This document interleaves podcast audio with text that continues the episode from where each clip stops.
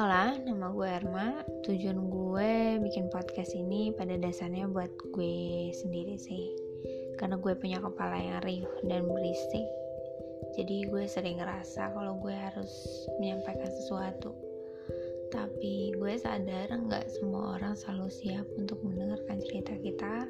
Nggak semua orang selalu dalam keadaan baik-baik aja. So, ya itulah kenapa akhirnya gue bikin podcast ini sebagai pengingat diri sendiri aja sama kayak misalkan list sesuatu itu jadi kayak buat nasihat diri sendiri aja.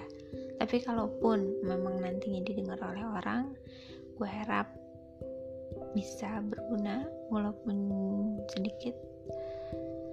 And so see you